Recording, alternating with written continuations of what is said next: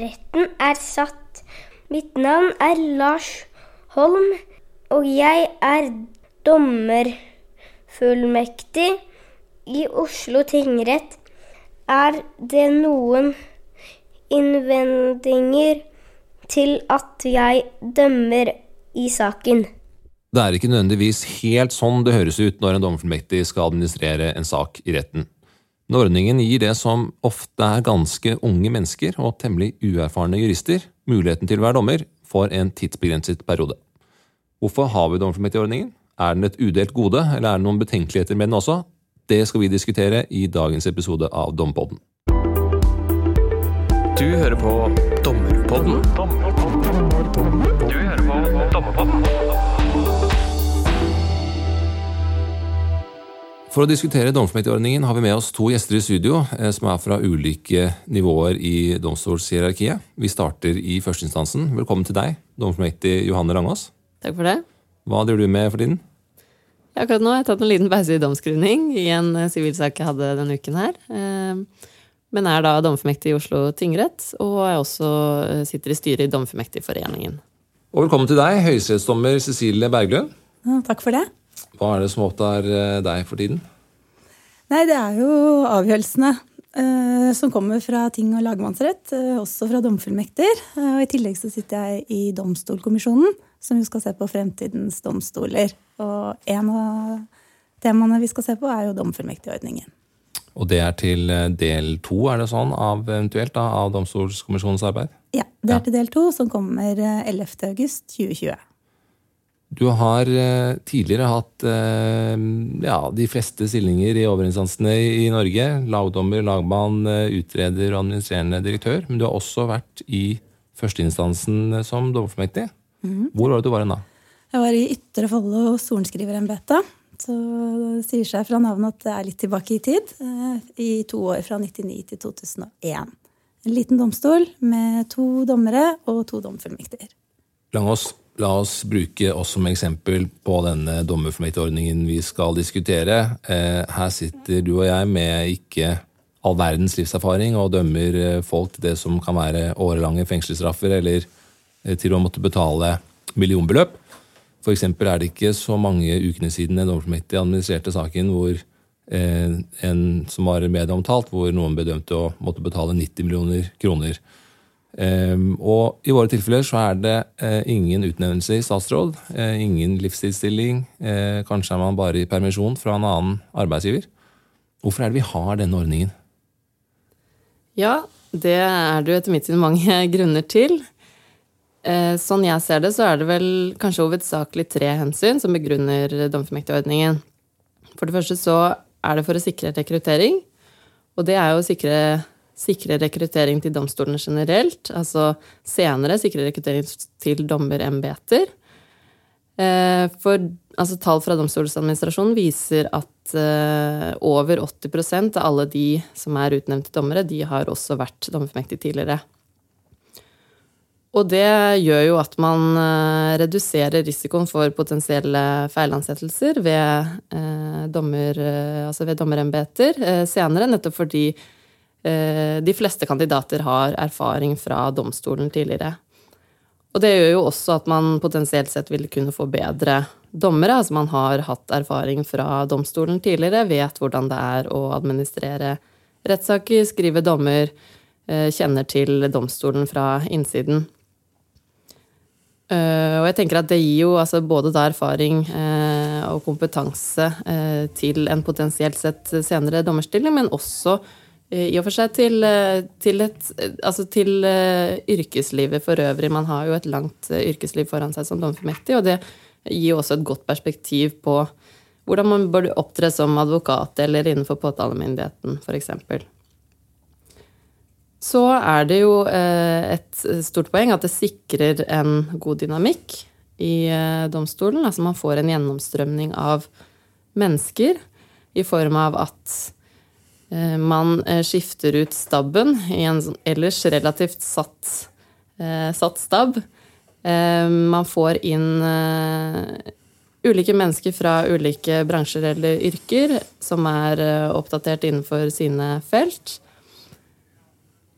Og eh, man vil også da bidra til å skifte ut eh, stabben, og det vil kanskje særlig gjøre seg gjeldende på mindre steder der det er eh, kanskje én eller to dommere og én eller to dommerfullmekter. Det er mange faste aktører, og det vil kunne være tilspisset, kanskje tidvis tilspisset eller fastlagte mønstre som gjør at det vil være forfriskende å få inn nye folk som Eh, som kanskje utfordrer eh, aktørene også til å eh, justere seg litt på form og innhold, hvis det er sånn at det har låst seg litt inn i, inn i for fastlagte mønstre. For dommerne de har livsstilsstillinger som de gjerne er ikke så mye bevegelser der ofte?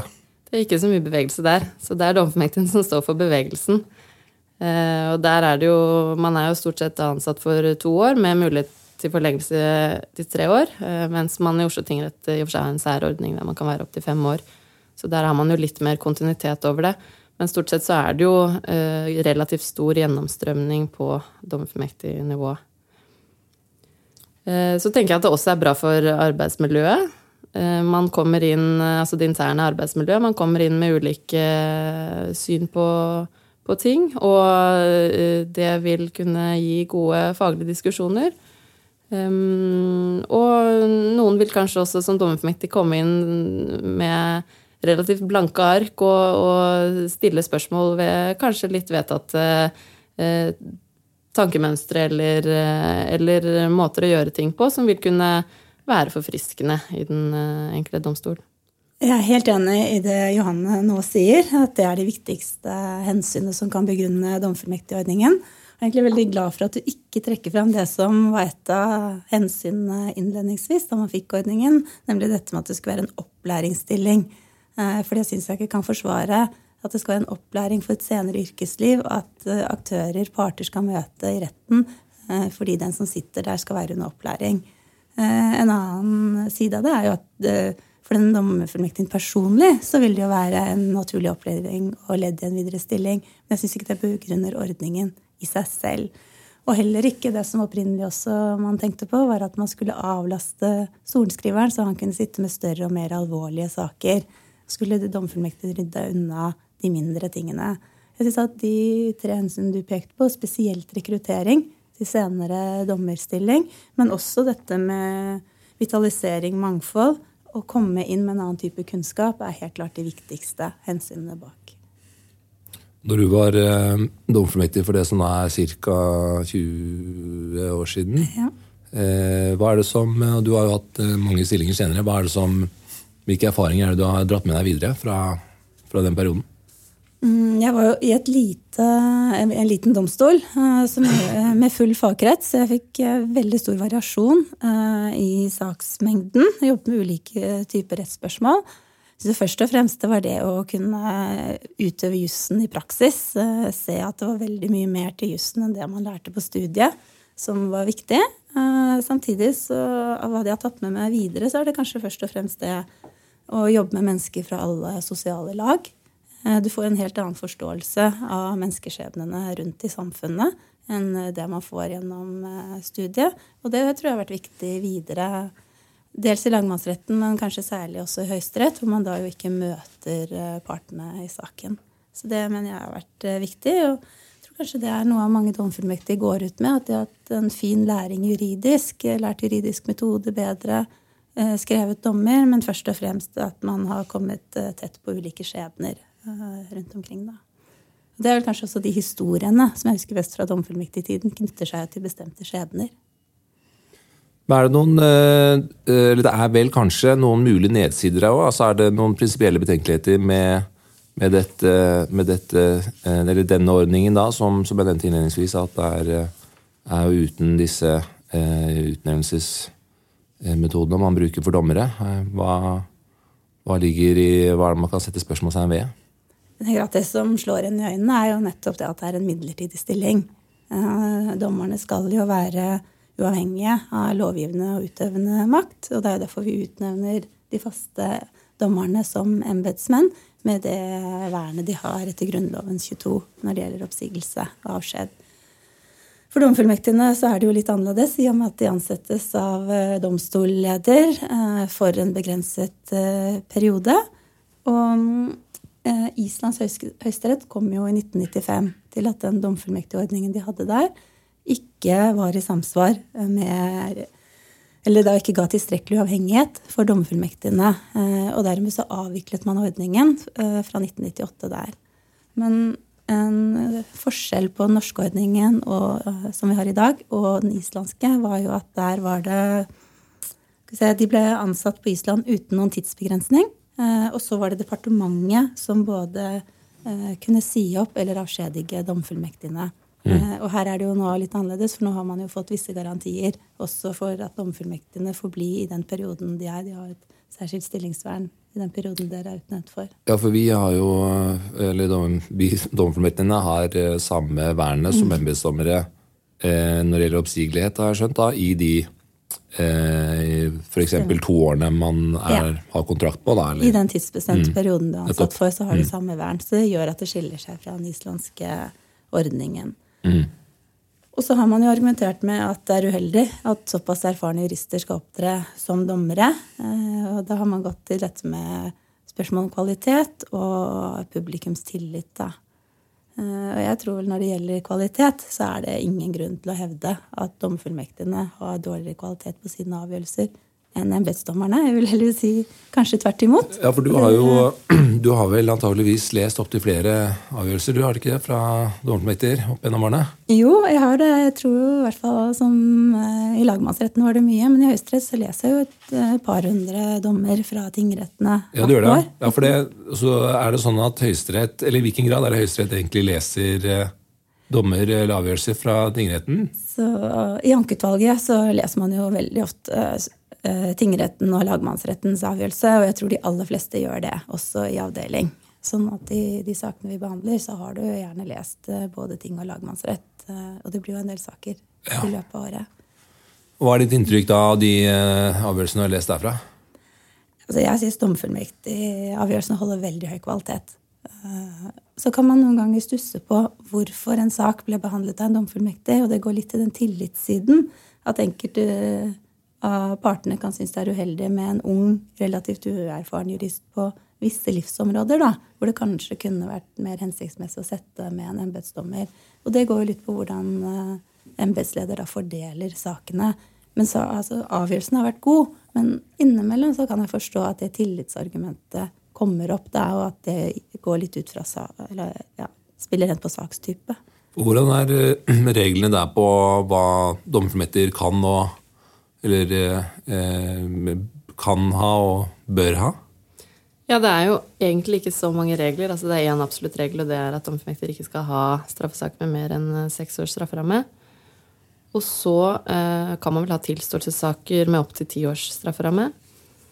Men eh, så er det for øvrig ikke så mange eh, absolutte regler. Det er en del bør-regler på at dommerfullmektiger ikke f.eks. Eh, bør ha skjønnssaker, bør helst ikke eh, ha barnevernssaker, eller saker innenfor eh, helse og, og eh, Eller som knytter seg til overprøving av fylkesnemndas vedtak innenfor helse- og sosialfag. Um, men dette praktiseres jo litt ulikt, sånn som, sånn som vi har vært inne på her.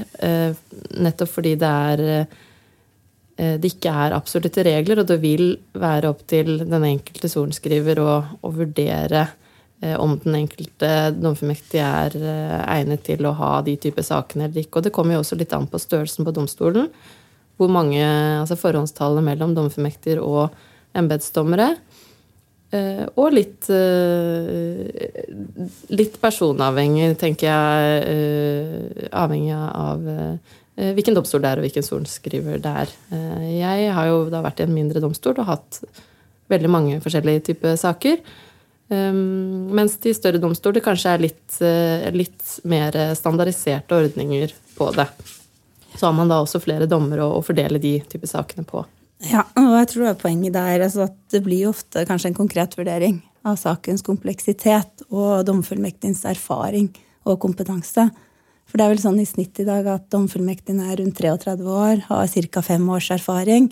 Eh, Men eh, noen kan jo være ti år eldre og ha eh, klart lengre erfaring og ville kunne ta andre saker enn de som da har kanskje bare jobbet et par år etter studiet. Så det varierer jo sånn sett også. Men generelt sett det det er, tillitsaspektet er noe man bør ha med seg ved fordeling av saker rundt omkring. Det med, med at det er eh, midlertidig ansettelse, altså at det er tidsbegrenset For det er, eh, det er vel sånn i utgangspunktet at man får eh, en, et, en avtale på en kontrakt på to år, og så kan den forlenges til tre. Og så eventuelt i Oslo kan den forlenges til fem. Er ikke det riktig, Johanne? Og da, og da når du sitter da på denne første toårsperioden, f.eks., så kan man se for seg at man har enten da altså Dette er mulige tanker man kan ha, i hvert fall, at man tenker at ok, jeg har veldig lyst på å få forlengelse, og derfor så agerer jeg slik og slik i jobben min da.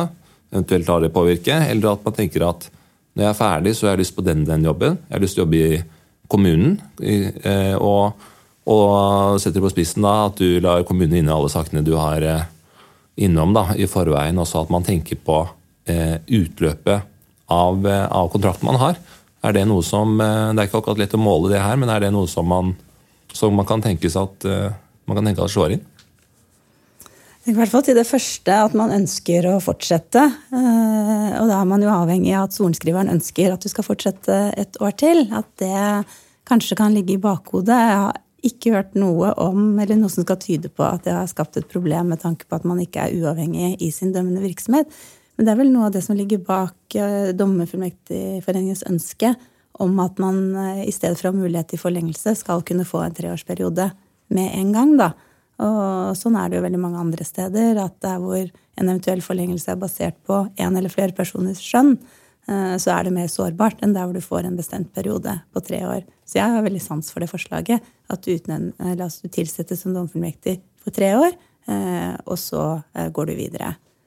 Eh, når det gjelder det med fremtidige arbeidsgivere, så har vel det kommet opp i visse situasjoner med tanke på habilitet, eh, hvor man kanskje ikke har vært varsom nok i så måte. Men eh, jeg er i hvert fall ikke kjent med at det skal være noen tilfeller hvor man har dømt i fordel for eksempelvis det offentlige eller en, et større privat selskap med det, med det for øye at man skal bli ansatt der senere. Og det vil være utrolig uheldig vi skulle få et sånt eksempel. Men eh, jeg har i hvert fall ikke hørt noe om det. Men det er jo et relevant spørsmål å stille. Selvfølgelig er det det.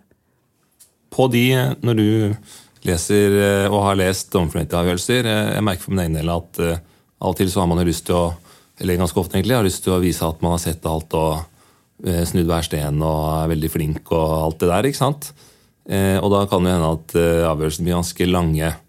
Eh, og ikke vet jeg, men det kan jo hende at flere embetsdommere enn overformekter har på en måte skjønt at eh, det er ikke noe vits i å på en måte sitere all verden og, og, og, og gjøre ting så veldig Eller skrive så langt, da, i det minste. Eh, det noe, merker du noen forskjeller på, på lengden på avgjørelsene til embetsdommere og dommerformekter?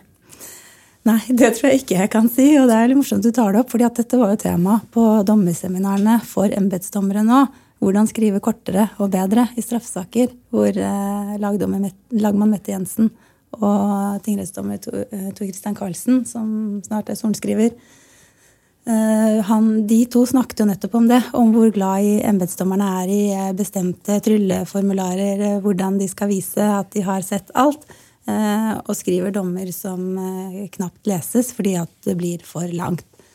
Så det er jo, tror jeg, et gjennomgående problem ja. Eh, i norske domstoler at eh, man skriver for langt.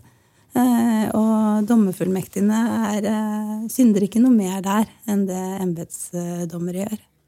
Når det gjelder utfallet av avgjørelser fra dommerfullmektiger, altså ikke bare innholdet som sådan, men, men selve slutningen, for å si det, bruke det året, jeg er blitt fortalt av troverdige kilder at eh, noen forsvarere eh, gjør seg opp tanker når de ser at det er dommerfullmektig bak dommerbordet i straffesaker, og da spesielt i fengslingssaker, som jo er den mest hva skal vi si, eksplisitte måten, eller saken, i hvert fall mest konfronterende sakstypen vi har i, i, tingretten. Alle aktørene sitter gjerne og venter, og når du eh, kommer meddeler avgjørelsen din, da, så sitter aktor og forsvarer og og da han eller hun som, eh, som skal varetektsfengsles. Eh, og visstnok så tenker noen forsvarere eh, at man kan ane hvilken retning de vil gå i i disse sakene, basert på en antakelse om at dommerfullmektigene sjeldnere tør å løslate. Hva altså, Tror dere det kan være riktig? Det syns jeg er vanskelig å si noe helt generelt om. Jeg har i hvert fall ikke noe tall på at dommerfullmektiger løslater mer eller mindre enn vanlige embetsdommere. Det kan nok være et poeng at hvis, altså hvis du er helt fersk og ikke har jobbet noe særlig med strafferett tidligere, så skal det jo dessverre på mange måter litt mer mot til for å foreta en løslatelse, eller eventuelt en, en frifinnelse, selv om det ikke er sånn det skal være. Men, men sånn er det nå en gang. Så det kan nok være et poeng, men, men jeg syns det er vanskelig å si generelt sett at domfullmektiger er mer reserverte mot det. Jeg syns også noen ganger at det virker som det kan være motsatt. Berglund, hva, er ditt, eh, hva tenker du om det? Nei, altså det, jeg, merker det, jeg merker meg jo det du sier, at uh, troverdige kilder i forsvarmiljøet mener at det er sånn. Men uh, jeg har ikke gjort meg noen tanker rundt det, eller som Johanne, ikke hørt noe tall på at det skal være tilfellet. Men tenker som at kanskje man er litt uh, mer forsiktig til å begynne med. Samtidig så kommer man jo inn med friskt mot, da. Og da jeg var domfullmektig, så gikk det jo da historien om eh, domfullmektigen i nabodomstolen som eh, ikke syntes det var nødvendig med håndjern da eller siktede skulle møte i fengslingsmøte, og beordret de av. Med det resultatet at han forsvant ut døra i løpet av få sekunder. Så jeg tenkte at det kan gå begge veier i så måte. Har du noen, eh, Jeg vet ikke om det går an å, få inntrykk av akkurat det spørsmålet gjennom kanskje ikke minst lagmannsretten, da, eh, men om, om det er noen eh, om du har klart å trekke ut et inntrykk av eh, alle de ankede fengslingskjennelsene som har kommet inn til eh, Borgarting i din tid? Altså, hvis jeg skulle basert bare på en ren synsing, som det blir, så ville jeg sagt at dommerfullmektigen i hvert fall ikke løslater noe mindre Nei. enn embetsdommeren. Ville kanskje mer. For nå, Dere nevner, eh, har nevnt tall, eh, og, Dompodden vi liker statistikk. eh, Og finnes den ikke, så lager vi den gjerne selv. Så vi har, eller vi har forsøkt å finne frem til hvilke forskjeller det eventuelt måtte være mellom løslatelsesfrekvensene til og dommerfullmektiger.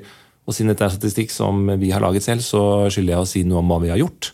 Eh, Vi har rettet oss inn mot den klart vanligste fengslingstypen. 171 fengslinger, for å bruke det begrepet. eh, Og baserte oss på data fra Oslo tingrett, som eh, har flere tusen fengslingssaker i året, som utgjør typisk mellom 30 og 40% av fengslingssakene i Norge. Eh, og i Oslo så eh, er det slik at embetsdommer og dommerfullmekter har omtrent like mange saker i året av fengslingssaker. altså. Sånn at det er omtrent like mange saker i arkivet da, på hver av dommertypene. Og så har det vist seg da eh, at det er ikke verdens letteste eh, eh, jobb å hente ut statistikk fra, eh, fra saksbehandlingssystemet i, i domstolen. Eh, men ved hjelp av da en hel del manuelt arbeid så har vi eh, eh, funnet fram det som vi har ganske god grunn til å tro at utgjør litt over halvparten av de samlede løslatelsene fra de siste fire årene. Og så er det også det som merker mer eller mindre utgjør så det sikkerhetsgrunnlaget. Og det betyr da at det er en del løslatelser som ikke er med. Eh, men, eh, og, og, Grunnen til det er at de har blitt eh, feilført i systemet. altså De har blitt ført som at det ble fengsling, selv om det ikke ble det. Som er ganske vanlig. Men, men det er forhåpentligvis ikke helt feil å tro da at, feil, at antallet feilføringer er likt for begge gruppene. Sånn at det vi har funnet frem, er noenlunde representativt. Så er det vi liker å tro, og det er det vi håper. Og Det betyr da altså at vi har tall for årene 2015, 16, 17 og 18 eh, som vi liker å tro er egnet til å fortelle oss noe. Og Da er spørsmålet til dere er det noen ulikheter i disse tallene, og i tilfelle i hvilken retning er det det går. Ja, nå er jeg veldig spent, fordi nå får vi jo noe mer enn ren synsing. Så ja. Men hva, hva, hva, hva tror dere tallene viser? Tallenes tale. Sier det, Vi har jo bare synset hittil, vi, og sagt at det kan slå begge veier. Så Nå, her man- Vi står, vi står ved det. Her, her må Slå begge veier. her nei, slå begge veier. Det, det, det høres eh, trygt ut. Eh, hjemme uavgjort borte i tippekupongen, det. Men, Det er remis. eh, Ikke sant? Men, eh, men nå, nå må dere da eh, velge hjemme uavgjort eller borte. Hvilken side velger dere da? Hvil, altså, om det er embetsdommere Om det er likt, eller om det er dommerfullmektiger. Veldig fristende å gå for likt. Eh, relativt likt, i hvert fall. Men eh, tja. Ja, tja, det sier jeg også. Eh, Men nå må vi altså Vi må si en av de, en av de, tre, en av de tre alternativene må velges. Altså, dere slipper ikke ut av studio før dere har valgt en av de tre variantene der. Ok, da går jeg for en marginal høyere andel løslatelser på domfemekter. Nettopp. Jeg er enig i det. Jeg tror også det ut fra friskt mot og et litt annet syn på saken. Ja. Ok, eh, for fasiten, om man kan kunne kalle det med de reservasjoner som må, må gis der, eh, så varierer det fra år til år innenfor disse fire årene. Men hvis man slår sammen de fire årene, så er det helt likt. Så det er, det er ehm, Også hvis man bruker mange nok desimaler, vil man alltid klare å få, et, få en, eh, en, en forskjell. Eh, men forskjellen her er så liten at den kan umulig være statistisk signifikant, da, som man kaller det. Eh, Hvis du tar den differansen og overfører på antallet saker hos tingrett, så utgjør det, altså, utgjør det mindre enn én løslatelse i året da, i forskjell. Så, det, så kall det klinisk likt. Og hva, hva det, hva, hva sier de tallene der, altså? Tenkte at det bygger opp under det vi egentlig trodde, at det var relativt eh, likt. eh, og at vi bygger det på at man Det er, de, altså det er jo veldig, klart hvilke vilkår som må være oppfylt for at det skal være fengsling. Og så er det jo ofte på forholdsmessighetsvurderingen eh, det kan stå. Og da er det jo relativt god veiledning i praksis, som i hvert fall jeg syns både i lagmannsretten og i Høyesterett ser at dommerne drøfter bredt. Så jeg syns ikke det er så overraskende egentlig at det er relativt likt i så måte. At det ikke spiller så stor rolle hvem som sitter her, da. Men i hvert fall hvilken stillingstittel vedkommende har, i det minste. Ja, og det er jo betryggende. At Ja, det ikke skal være avgjørende for om du blir varetektsfengslet eller ikke. Ja, Det er veldig betryggende for aktørene, i hvert fall. ikke sant?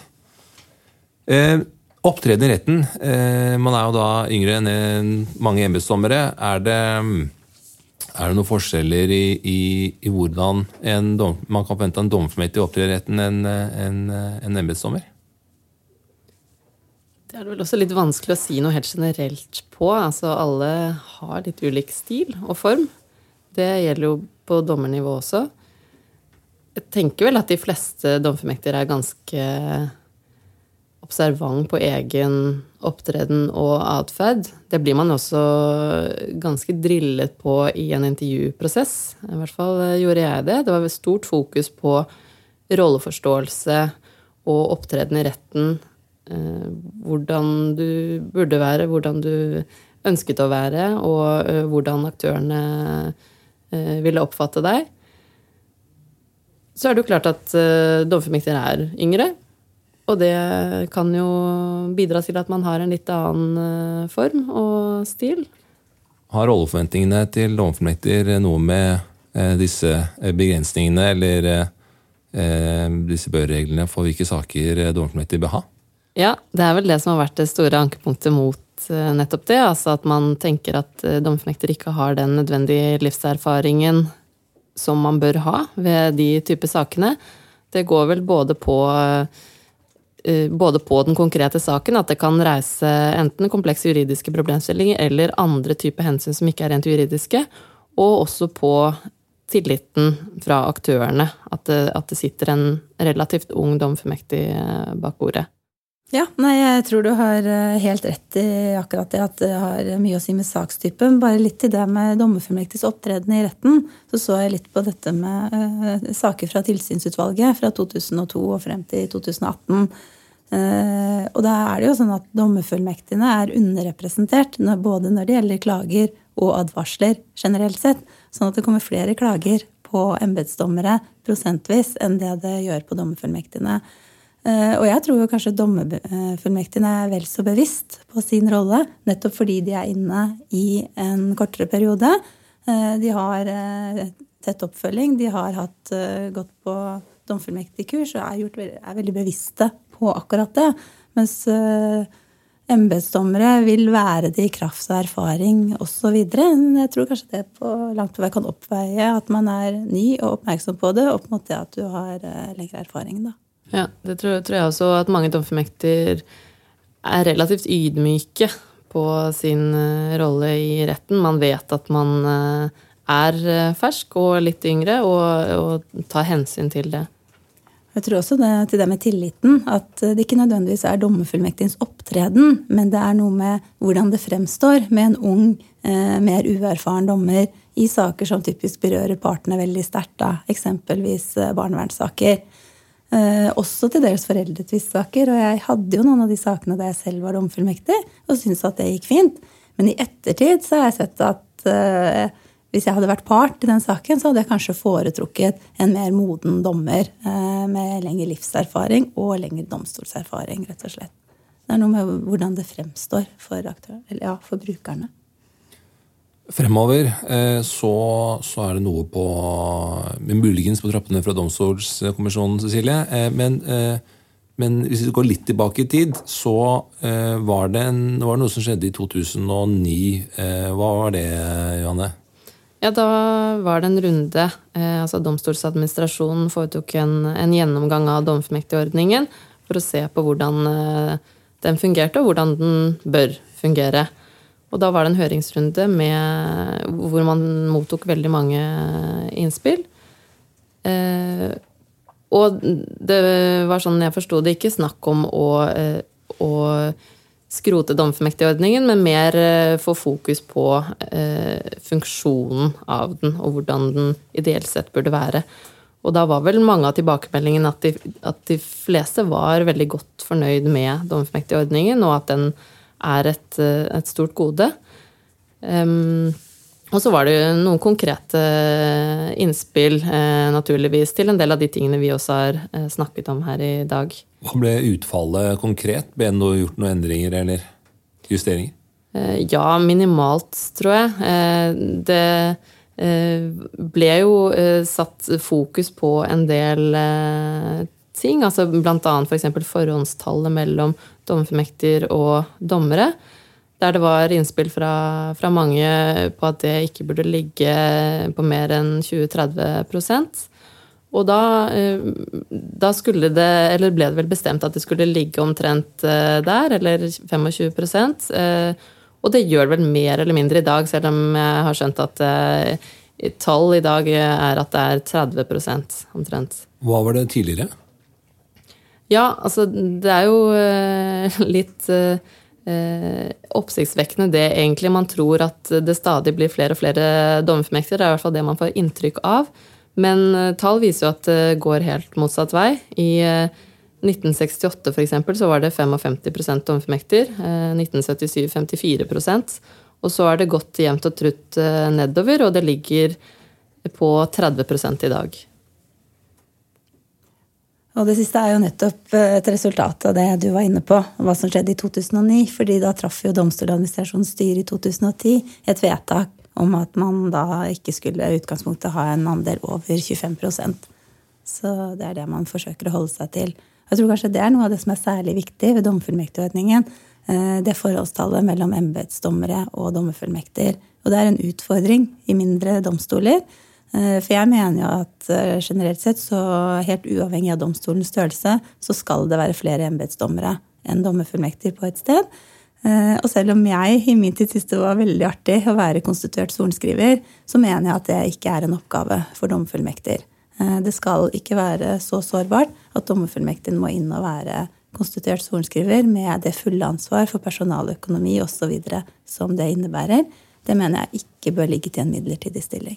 Men hva, hva, kan vi vente oss fra Domstolskommisjonen eh, fremover nå, Cecilie? Ja, det vil du sikkert gjerne at jeg skal røpe noe om. Ja, der er jeg på trygg grunn, fordi at eh, dette har vi så vidt begynt å diskutere. Eh, det ligger litt frem i tid, i og med at vi skal avlegge en strukturrapport først. Men den vil jo også være av interesse for dommerfullmektigene i så måte.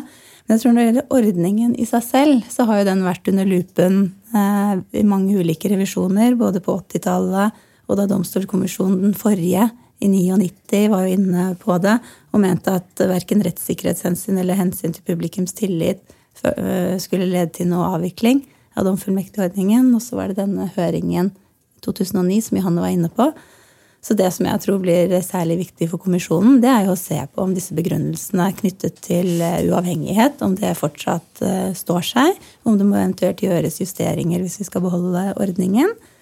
Eh, forholdet embetsdommer-domfullmektig. Og også litt på dette med er det en stilling å utvikle i stedet for å avvikle.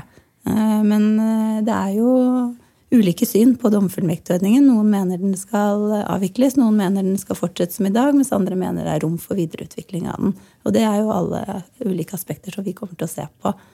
Eh, men det er klart, eh, alle som har vært domfullmektig, har jo et veldig varmt hjerte for den perioden. ikke sant? Det er jo kanskje den flotteste yrkesperioden i ditt liv. Eh, så, og rekrutteringshensynene vil jo alltid være fremtredende. Da skjønner jeg at uh, vi som er dommerkomiteer nå, vi trenger ikke å bekymre oss for at vi mister jobben uh, med en gang Domstolkommisjonen har avgitt sin uh, innstilling. det er noe å ta med seg videre. denne episoden er over. Tusen takk for at dere tok dere tiden til å være med i studio. Takk til. Bare hyggelig. Takk til lytterne for at dere har hørt på denne episoden. Mitt navn er Kasper Nygaard Thommessen, som sammen med Ragnar Linnefjell og Ola Berg Lande utgjør redaksjonen til Dompodden. Du har hørt på Dommerpodden Dommerpodden er en podkast fra Norges domstoler og er først og fremst ment som et kompetansetiltak for dommere. Hvis du har ris, ros, forslag til temaer eller folk vi kan prate med, så er vi glad for å høre fra deg, og da kan vi nås på podkast. Ha en god dømmende hverdag så lenge. Vi høres.